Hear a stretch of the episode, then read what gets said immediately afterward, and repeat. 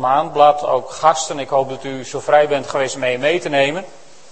En dan hebt u kunnen zien dat het, uh, het maandthema waar we in december mee aan de slag willen, verwachting is. Eigenlijk een beetje logisch misschien wel als de adventtijd is begonnen. Maar ik zou vandaag u die vragen eens mee willen geven, ook om mee naar huis te nemen straks. Eentjes laten opdragen, wat verwacht je daar eigenlijk van? Is, is dat een ritueel of verwacht je er iets van? En ook van de mensen die lid zijn geworden vandaag. Dat doe je vast met bepaalde verwachtingen van ons als gemeente. Misschien ook van je eigen weg in deze gemeente. Wat verwacht je eigenlijk? Daar denken we in mijn optiek te weinig over na. En uh, ik moet zeggen, als je veel een christen? Wat is nou een leven zonder verwachting? Wat moet je nou als je helemaal geen verwachting meer hebt? Het is volgens mij een drama. En je mag van God een aantal dingen verwachten. Een van de dingen die je mag verwachten is dat als God naar je kijkt, dat God bewogen over je is en dat er vergeving voor je is.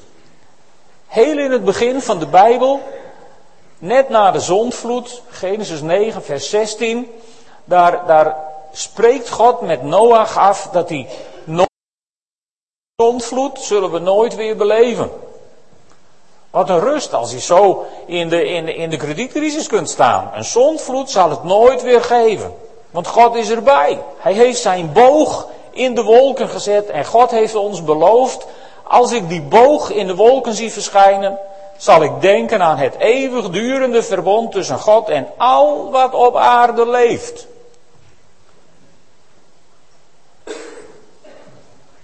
Moet je even goed het je door laten dringen. Al wat op aarde leeft. Jullie zitten allemaal nog redelijk rechtop, dus ik mag aannemen dat jullie allemaal nog op aarde leven.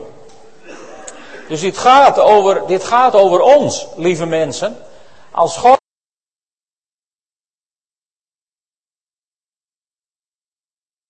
denkt hij het verbond wat wij met hem hebben. Is dat niet mooi? Is dat niet rijk te weten dat als God naar deze wereld kijkt, dat hij denkt aan het verbond wat wij met hem hebben? Ja, dan denk ik, ja, ja, maar goed. Eh, hier staat wel, als ik de boog in de wolken zie verschijnen. Hè? Meestal als er een boog in de wolken verschijnt, de regenboog, dan is het weer niet optimaal. En daar kun je super zagrijnig voor worden. En zeker in deze donkere tijd zijn er mensen die hebben daar ook fysiek last van, van het donker. En, en dan word je depressief. En, en, en zo kun je ook door omstandigheden worden. Wat verwacht je? Is je verwachtingspatroon zo ingesteld dat je bij voorbaat het slechte verwacht? Van nou ja, dat zal mij wel weer overkomen. Hè? Dit, dit, hoor je vaak sommige mensen zeggen. Hè? Het kan zo'n ingesleten patroon in je denken zijn. En als het dan ook nog woorden zijn die over je lippen vallen, dan zijn het bijna vloeken die je over jezelf uitspreekt. Self-fulfilling prophecies. En vaak zie je dan dat het ook nog uitkomt. Maar als het zulk weer is, en de zon schijnt een beetje op die regen, dan krijg je Gods perspectief van de omstandigheden. Wij kunnen zagrijnig worden van de regen, maar als God zijn zon op die regen laat schijnen, dan krijg je alle kleuren van de regenboog, de veelkleurige wijsheid Gods, de aanwezigheid van God. En dan kun je daar ongelooflijk blij mee worden. En weet je, God denkt zo aan al wat op aarde leeft. En uh, het mooie is dat wij dan denken, als God aan ons denkt, dan gaat hij ook doen wat wij willen. Maar dat is niet altijd waar. Jullie hebben het, uh, het, het verhaal van Wilco en Jolanda gehoord. Je vindt je gezin compleet, maar God eigenlijk nog niet helemaal. En dan denk je, nou oké heer, nog één, krijg je er twee. Andere mensen die willen bitter graag één en die krijgen er geen. Dat is nog verdrietiger, nog veel erger. Andere mensen die willen graag gezond worden en die blijven ziek. Soms heb je mensen in je familie die je zo graag zou zien genezen en die gaan dood. Wat gebeurt? En waarom? Dat weten we niet. Dat weten we niet. We weten wel dat God naar ons kijkt en dat Hij elke keer weer denkt aan het verbond dat Hij met ons heeft. Dat Hij ons nooit ten onder zal laten gaan. Maar wij vullen dat dan vaak in. Hè? Terwijl, terwijl God zegt in Jesaja 55, maar mijn plannen of mijn gedachten, mijn voorstellingen zijn niet, niet jouw voorstellingen of jouw wegen. En jullie wegen zijn niet mijn wegen, spreekt de Heer. Want zo hoog als de hemel is boven de aarde, zo ver gaan mijn wegen, jullie wegen te boven en mijn plannen, jullie plannen. Dus God doet niet altijd wat wij verwachten. Je kunt de beste verwachtingen hebben van de wereld. Je kunt je geloof heel glimmend oppoetsen en denken van nou heb ik heel veel geloof dat God wat gaat doen en hij doet het niet. Ja, dat gebeurt soms. En, en ik weet ook niet waarom, maar het enige wat ik weet, mij herinner is toen ik zo in zo'n situatie zat in mijn leven, dat ik ook bleef hangen in het waarom dat God tegen me zei, joh, zo hoog als de hemel is boven de aarde, zo ver gaan mijn wegen, jouw wegen te boven. En mijn gedachten, in de NBG-vertaling, jouw gedachten. Ik, ik verstond het wat meer down to earth. Ik, ik, ik begreep van God heel duidelijk dat hij zei van, ik zou het je wel uit kunnen leggen, maar je bent er niet op ingericht om het te begrijpen. En dat kan heel heilzaam zijn. Het vraagt ook een stukje vertrouwen. En dat stukje vertrouwen, ja, dat mag je bijvoorbeeld meenemen uit Jeremia 29, vers 11. Ik, ik pak gewoon wat oud-testamentische profetieën. Waar God zegt, joh, mijn plan met jullie staat vast, spreekt de Heer. Ik heb jullie geluk voor ogen, niet jullie ongeluk. Ik zal je een hoopvolle toekomst geven. En een hoopvolle toekomst, dat betekent dat het tijd is om je verwachtingen, mocht je ze al in de vriezer hebben gelegd, tevoorschijn te halen, je verwachtingen te ontdooien en op te poetsen en, en je blik op God gaan richten voor die hoopvolle toekomst.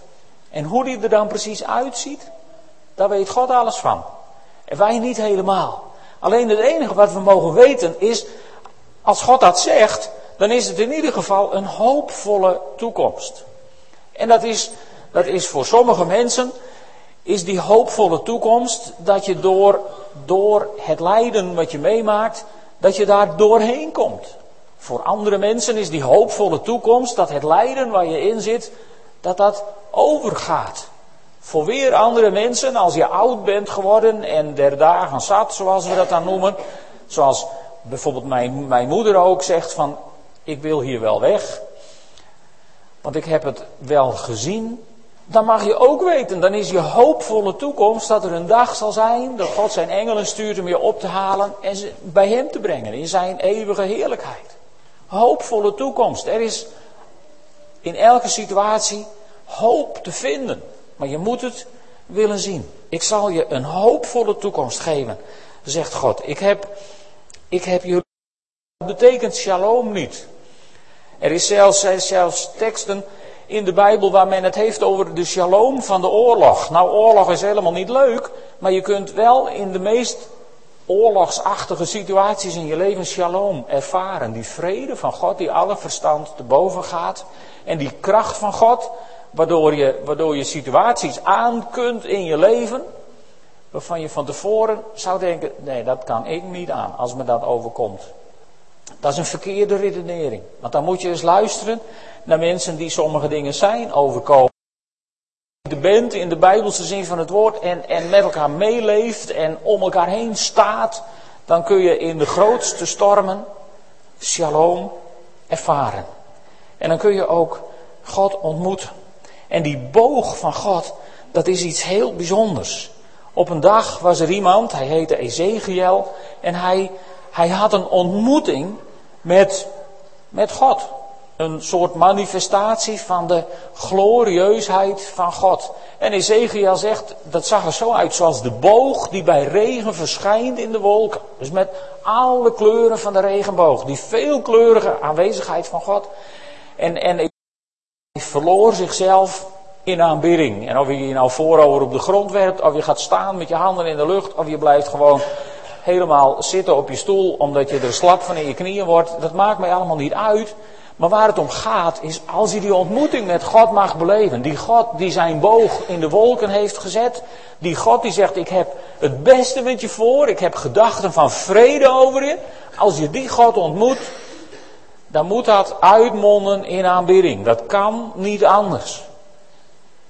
En, en dan zegt Ezekiel, ik hoorde een stem die tegen me zei, mensenkind, sta op, dan zal ik met je spreken. Met je spreken, met je spreken, ja. God is een levende God en die wil spreken met zijn kinderen, met zijn voer er een geest in mij, de Heilige Geest, die me weer op deed staan en er werd opnieuw tegen me gesproken. Met andere woorden, Ezekiel leerde om God te verstaan. Als u uh, dat prachtige bord daar ziet, dan staat daar discipelschap op reis met God. Dat is ons jaarthema. En we hebben daar een aantal dingen uh, inmiddels in, in beleefd met elkaar. En we hebben vooral nagedacht over wat we noemden de zeven deuren naar discipelschap. En de mensen van de gemeente die hebben allemaal zo'n reisverslagboekje gekregen met de uitdaging om, om aantekeningen te maken. Om op te schrijven wat je met God beleeft. Als je zo'n ontmoeting met God hebt en misschien zijn stem verstaat of zijn daden ziet in de dingen die je beleeft.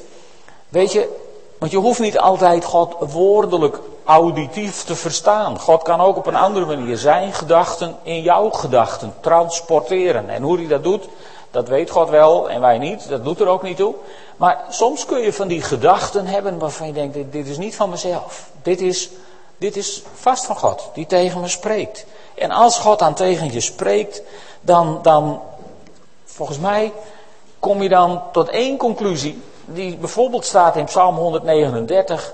Dat je tegen God zegt, hoe rijk zijn uw gedachten, o God. Hoe eindeloos in aantal. Ontelbaar veel. Meer dan er zandkorrels zijn. Ontwaak ik, dan ben ik nog bij u. Met andere woorden, als je met gedachten aan God gaat slapen, dan word je meestal met gedachten aan God ook weer wakker. Gewoon je laten vullen door die aanwezigheid van God. Luisteren naar zijn stem. Zeven deuren naar discipelschap. En uh, we gaan nu even een kleine onderbreking doen. U krijgt nu een, paar, een, een mandje langs met een boekenleggertje erin. Een heel mooi boekenleggertje. Deuren naar discipelschap staan erop. Die kunt u natuurlijk in uw reisdagboekje leggen. Die zou u ook in uw Bijbel kunnen leggen. U zou hem ook in het Bijbeltje of het boekje kunnen leggen. Wat u gebruikt om stille tijd te houden. Want die zeven deuren van discipelschap, hè, het thema is van wat verwacht je eigenlijk? Nou, toen ik begon aan de serie preken over die zeven deuren naar discipelschap, verwachtte ik dat mensen er wat mee zouden gaan doen. Dan weet ik niet of iedereen mijn verwachtingen inmiddels vervuld heeft. Daar gaat het ook helemaal niet om. Maar ik hoor wel hele leuke reacties van mensen, zo af en toe.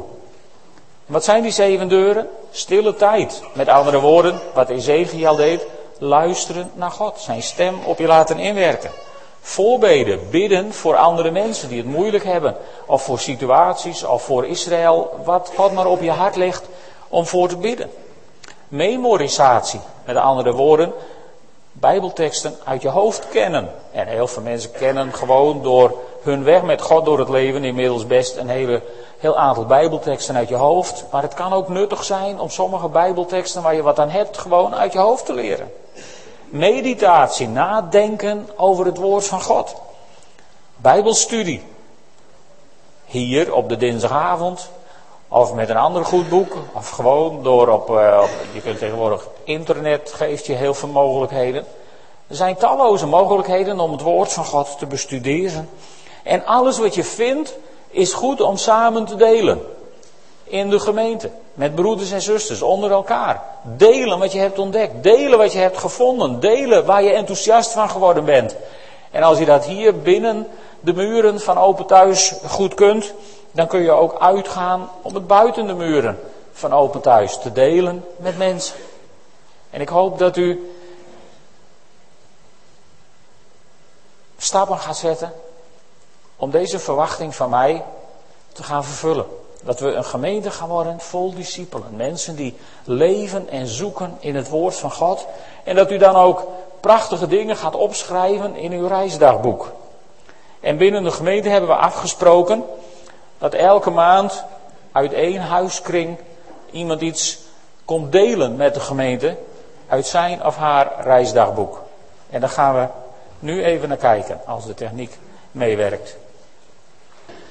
Mooi hè? Zo kun je ontdekken hoe rijk Gods gedachten zijn. Zo kun je ontdekken hoe rijk het woord van God is. En zo kun je overal gezegend worden door dingen die God je geeft. Ik wil met jullie nadenken vanmorgen over Psalm 40. Vanaan, maar ik zie hem wel.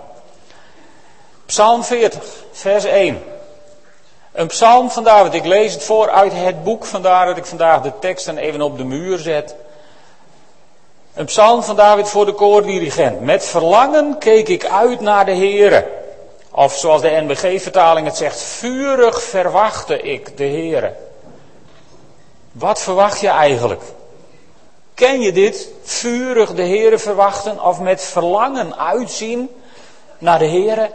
Met verlangen uitzien. David die schrijft dit vanuit een positie van iemand die, die dik in de prut zit. Dat zullen we in het volgende vers zien. En, en dan zegt David, met verlangen keek ik uit naar de Heere. En toen boog hij zich tot mij over en hij hoorde mijn roepen om hulp. Mooi hè? Hey, als je mocht je ooit in de put zitten en, en met verlangen uitzien naar de Heere en met verlangen uitzien naar het moment waarop God je helpt om weer uit die put te komen, dan mag je één ding weten. Op het moment dat je gaat roepen om de Heer, dan buigt hij zich voorover naar je toe en dan hoort hij je roepen om hulp. Dan hoort hij je. Dat is een zekerheid, dat willen we Sharon en Sarah meegeven, dat willen we ook de, de nieuwe leden meegeven.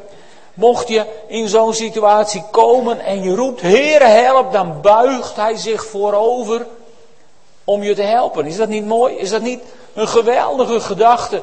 Dat God dan niet gewoon ijzeren heinig op zijn troon in de hemel blijft zitten en niet naar je luistert omdat je te druk heeft met staatszaken. Nee, God buigt zich voorover om jouw hulpgeroep te horen. Uitgerekend jou.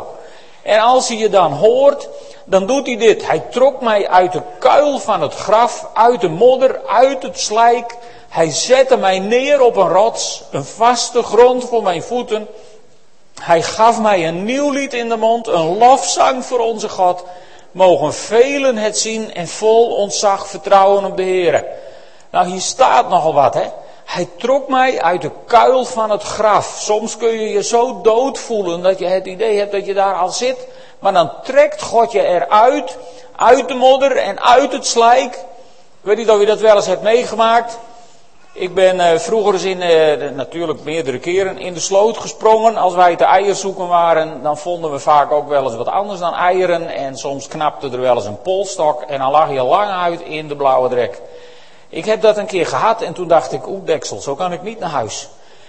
Dus uh, overal uit in de zon, op het weiland slecht te drogen en langer weggebleven dan gepland. Ja, je moest natuurlijk eerst droog, en de andere dag, toen zei mijn moeder haast in een sleertlijn. Ik denk, moeders weten ook altijd alles. Hè. Maar ja, toen bleek dat de zakken van mijn overal nog vol blauwe drek zaten. En hij was wel droog, maar... Goed, als God je uit de modder trekt, dan wil dat niet zeggen dat je gelijk helemaal schoon bent. Nou hebben we daar middels doopdiensten wel een prachtige oplossing voor gevonden. Maar eh, daar heb ik het vandaag niet over. Dus hij, hij trekt je eruit en dan staat er in, hij zet je neer op een rots. Die rots, goed, voor insiders is dat natuurlijk het beeld van Jezus Christus. Hij is de rots waarop wij mogen staan. En God zet je op die rots. Misschien denk je van, ik ben net uit de slijk Heer, ik, ik zit liever, ja, zet mij even in een bosje, of zet me een beetje in de luwte, of zet me even op een rots. Iedereen ziet je zo op die rots. Moet dat nou? Ja, dat moet. En op die rots geeft God je dan ook nog een nieuw lid in je mond. Dus dan zien ze je niet alleen, maar dan horen ze je ook nog. En waar is dat voor? Opdat velen het zien en vol ontzag vertrouwen op de Heer. Want wat is het voordeel van die rots waar God je op zet? Nou, bovenop die rots ontmoet je lotgenoten die ook uit de prut zijn getrokken. Bovenop die rots ontmoet je mensen met hun eigen rugzakje. Hè? Want iedereen op deze wereld die heeft zijn rugzakje met zijn bagage. Wat je met je meedraagt aan herinneringen en problemen en weet ik wat allemaal. En we roepen allemaal wel, ja, dat moet je allemaal afleggen bij het kruis. En dat doen we ook wel, maar voordat we het kruis verlaten, hangen de meeste van ons het altijd toch trouw weer op onze rug. Want dat zijn wel onze rugzakjes. Nou, daar ontmoet je mensen met rugzakjes. Alleen daar kun je elkaar ook bemoedigen op die rots. En dan kun je de Heer prijzen, zoals die ene hier doet. En mensen om je heen zien het. En die denken, wauw, hoe is het mogelijk? En weet je, dan heb je weer een reden om een stukje voor te lezen uit je reisdagboek. Waarom je zo op die rots kunt staan. En dan kun je, dan gaan mensen die je zien, die gaan zeggen, nou gelukkig is de mens die vertrouwt op de Heer. En zich niet keert tot hoogmoedigen, tot hen die verstrikt zijn in leugens. Je kunt je hulp overal zoeken. En je kunt je hulp zoeken op in paranormale circuits. Je kunt je hulp zoeken in het occulte. Je kunt je hulp overal zoeken. Maar als je echt hulp zoekt, als je echt, echt hulp zoekt, is er maar één plek waar je hulp gaat vinden. En dat is bij Jezus Christus en dien gekruisigd. Andere plekken zijn er niet. Alle andere bronnen om hulp te zoeken zijn volstrekt zinloos geworden. En als mensen dat gaan zien uit jouw getuigenis, uit jouw verhaal, dan gaan mensen op zoek naar diezelfde levende God. En dat willen we toch graag? En dan ga je ook zelf zeggen, veel wonderen hebt u verricht. Veel goeds hebt u voor ons besloten. Weet je, dit, dit zijn van die, soms zijn er van die reflectiemomenten die je even nodig hebt als kind van God. Dan moet je er even rustig voor gaan zitten. Dan moet je eens even in je reisdagboek lezen, of in je andere dagboek, of in je geheugen. Soms moet je gewoon eens even gaan zitten. Even een blik achterom werpen. Je moet niet de hele dag achterom lopen te kijken, met een verongelukje, maar even een blik achterom werpen. En even te denken, tel uw zegeningen één voor één. Waarom nou één voor één? Nou, dan heb je voorlopig wat te doen. Tel uw zegeningen, tel ze alle, vergeet er geen. En weet je, dat doet iets met je, want dan ga je, volgens mij ga je halverwege het tellen, ga je naar boven kijken en zeggen, veel wonderen, Heer, hebt u verricht. Veel goeds hebt u voor ons besloten, Heer mijn God. Niemand is te vergelijken met u. Wil ik erover spreken, ervan verhalen. Het is te veel om op te noemen. Dit laatste moet je niet uit het veld slaan. Dit moet je wel even goed begrijpen. Hè? Sommige mensen kunnen zeggen, nou het is te veel om op te noemen, dus laat ik er maar niet aan beginnen. Andere mensen, die zeggen ook, ja het is te veel om op te noemen in één keer, maar laat ik maar bij het begin beginnen. En die kunnen je altijd wel iets over Jezus vertellen. Mijn oude strijdmaker Willem de Jong, die, daar kun je niet mee praten zonder dat het over Jezus gaat. Die is misschien ook wel eens opgevallen, zelfs op de operatietafel heeft hij het over Jezus. En, en, maar zo zijn er meer. Praten over de Heer Jezus. Vertellen wat hij in jouw leven heeft gedaan.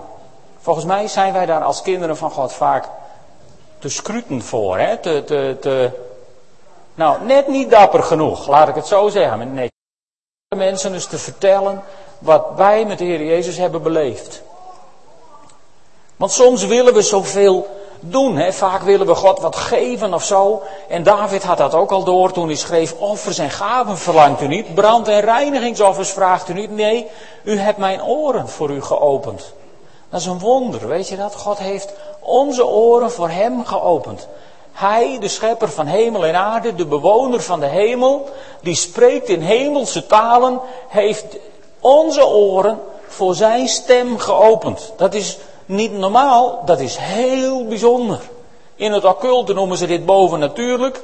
En voor ons zou het gewoon natuurlijk moeten zijn. Heel gewoon. De stem van God horen.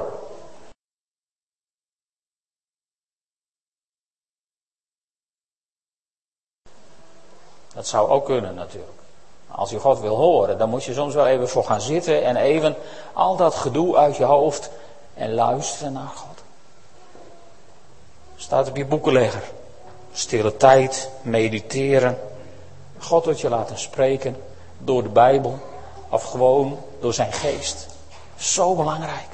En als je dan God gaat horen, dan gaat je iets heel bijzonders opvallen. Dit vond ik een hele triggy tekst, Psalm 40, vers 7 en 8. Dan schrijft David, en nu kan ik zeggen, hier ben ik, over mij is in de boekrol geschreven. Was er over David in de boekrol geschreven? Volgens mij nog niet. Hier valt David in een profetische rol. Hier wordt Psalm 40 ineens de psalm voor de eerste Adventszondag. Want hier valt David profetisch in het spreken namens Jezus Christus. Jezus Christus die tegen God zei, op de eerste dag toen hij werd geboren volgens mij, hier ben ik, over mij is in de boekrol geschreven. Jezus kon dat zeggen. Over mij is in de boekrol geschreven. En uw wil te doen, mijn God, verlang ik. Diep in mij koester ik uw wet. Je kent misschien het verhaal. Jezus, twaalf jaar oud, kwam hij in de tempel. En alle professoren stonden versteld over zijn kennis. Diep in hem koesterde hij namelijk de wet van God. Want hij was het woord. Hij was het woord van God. En, en zo kwam hij naar deze aarde. Als we straks over een paar weken kerst vieren, dan is dit wat we vieren. Iemand over wie in de boekrol was geschreven, kwam naar deze wereld om de wil van God te doen en om te verkondigen. Wanneer het volk bijeen is, spreek ik over uw rechtvaardigheid. Ik houd mijn lippen niet gesloten. U weet het, Heer. Lees in de Evangeliën hoeveel Jezus dit in de praktijk heeft gebracht. Ik zwijg niet over uw goedheid, maar getuig van uw trouw en uw hulp. In de kring van het volk verheel ik niet hoe liefdevol en trouw u bent. In elk woord van Jezus Christus kom je deze dingen tegen. Wat David profeteerde toen hij deze psalm schreef. En dan verwijst het door naar het kruis. U Heer, zegt hij dan tegen God, u weigert mij uw ontferming niet, uw liefde en uw trouw zullen mij steeds bewaren. Hierbij moet je denken aan het gebed in Gethsemane, waar, waar Jezus werd getroost en bemoedigd en de kracht kreeg om de weg naar Golgotha te gaan. Ook nu rampen mij omringen, talloos velen. En nu mijn zonden mij achtervolgen en ik geen uitweg zie. Nu ze talrijker zijn dan de haren op mijn hoofd en de moed mij is ontzonken. Ik moest bij het lezen van deze verse echt denken aan dat moment in Gethsemane waarop onze Heer Jezus bad, Heer kan het niet voorbij gaan. En dat hij zei, en toch, niet wat ik wil, maar wat u wilt. En waar ik toen een beetje bleef hangen was bij, bij dat stukje, nu mijn zonden mij achtervolgen. Hè? Hoe kan dat profetisch op de Heer Jezus slaan? Hij was zonder zonde. Alleen wat deed hij? Hij die geen zonde kende, werd voor ons tot zonde gemaakt. Schrijft apostel Paulus later in even zijn brieven. Dus Jezus vereenzelvigde zich met onze zonden, met onze overtredingen. En hij noemde ze mijn overtredingen. Dit is zo, zo mooi om dit te zien, hoe Jezus mijn zonden tot zijn zonden maakte en ze vervolgens meenam naar het kruis. En, en in Gethsemane zei Jezus wil uitkomst brengen, Heer. Heer, kom mij haastig te hulp. Dat kun je zelf soms ook zo denken. Heer, kom mij haastig te hulp. Laat beschaamd en vernederd worden wie mij naar het leven staan. Met schande terugwijken wie mijn ongeluk zoeken. Van schaamte verstommen wie de spot met mij drijven. Soms kun je zo het uitroepen naar God, Heer, verlos me uit deze omstandigheden, doe er wat aan. En God doet er wat aan. Want wie bij God hun geluk zoeken, zullen lachen en vrolijk zijn. Niet altijd direct met één. We zijn van die instant mensen geworden, maar het is geen instant psalm. Maar dit is wel het eind van het verhaal. Van het verhaal van ons met God. Wie bij God hun geluk zoeken, zullen lachen en vrolijk zijn. Wie van Hem, van God, van U, redding verwachten, zullen steeds weer zeggen: Groot is de Heer. Wat verwacht je eigenlijk? Verwacht je je redding van God? Ik ken niet ieders persoonlijke situatie, want er zijn heel veel gasten. En dat doet er eigenlijk ook allemaal niet toe wat je persoonlijke situatie is. Wat ertoe doet, is van wat verwacht je eigenlijk? Verwacht je je redding? Verwacht je in welke situatie je ook zit, verwacht je je hulp van de Heer? Dan is er één ding zeker, dan komt er een moment in je leven dat je gaat zeggen, groot is de Heer. En daar zijn talloze getuigenissen van veranderen van mensen die het werkelijk niet makkelijk hebben gehad, maar het uit de diepte van de ellende hebben moeten halen. Maar daardoor God uit het slijk zijn getrokken, op de rot zijn gezet. En die hun hulp sinds die tijd altijd van de Heer hebben verwacht. En één getuigenis hebben, groot is de Heer, halleluja. En dan sluit David af met dit prachtige vers waar hij zegt, ik ben arm en zwak. Dit, dit betekent dat je nederig wordt, hè? dat je klein wordt. Dat je zegt van, dat je zegt van Heer, ik kan het niet. Ik heb u nodig. En weet je, de ellende is vanaf dat we anderhalf zijn, of twee, dan, dan leren we één ding, ik het zelf doen. En hoe oud je ook wordt, dat krijg je niet weer uit je hoofd. Ja, maar het kan wel. Als die dag komt dat je zegt, Heer, ik ben arm en zwak. Zonder u ben ik nergens, Heer. Ik kan niet zonder u. Ik wil die parel in uw hand zijn, Heer, want ik kan niet buiten uw hand.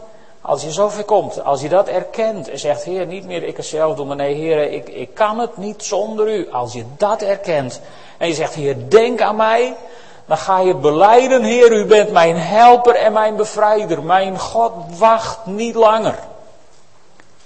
Mijn God wacht niet langer. En dat brengt ons dan, ja, toch ook bij dat thema wat de, de huiskring die de advents aandacht verzorgt, heeft meegenomen. Mijn God wacht niet langer. Want weet je, Jezus Christus als baby is hij al lang gekomen. Waar we met kerst bij stilstaan, is 2000 jaar geleden. Maar waar we naar uitkijken, is dat hij terugkomt. Dat hij terugkomt. Om deze wereld tot volmaaktheid, nee, niet deze wereld. Om deze wereld tot zijn einde te brengen en een nieuwe hemel en een nieuwe aarde te brengen in volmaaktheid, waar wij dan als zijn kinderen in volmaaktheid mogen leven. Soms kun je daar naar uitkijken en zeggen, mijn God wacht niet langer. Aan de andere kant is het typisch, als het dan misdreigt te gaan in deze wereld, dat we toch minder haast hebben dan we wel eens hadden gedacht. Maar dit is mooi. Heer, u bent mijn helper, u bent mijn bevrijder. Mijn God wacht niet langer. Maranatha. Zou een adventswoord moeten zijn van iedereen die de komst van Christus verwacht. En de hamvraag waarmee ik u dan ook vandaag laat gaan is wat verwacht je eigenlijk? Wat verwacht je eigenlijk? Waar gaat je verlangen naar uit? Waar gaat je hart naar uit? Waar stijgt je bloeddruk wat van? Wordt je pols wat sneller? Wat verwacht je eigenlijk? Wat, zou je wat zijn je dromen? Wat zou je graag willen van God?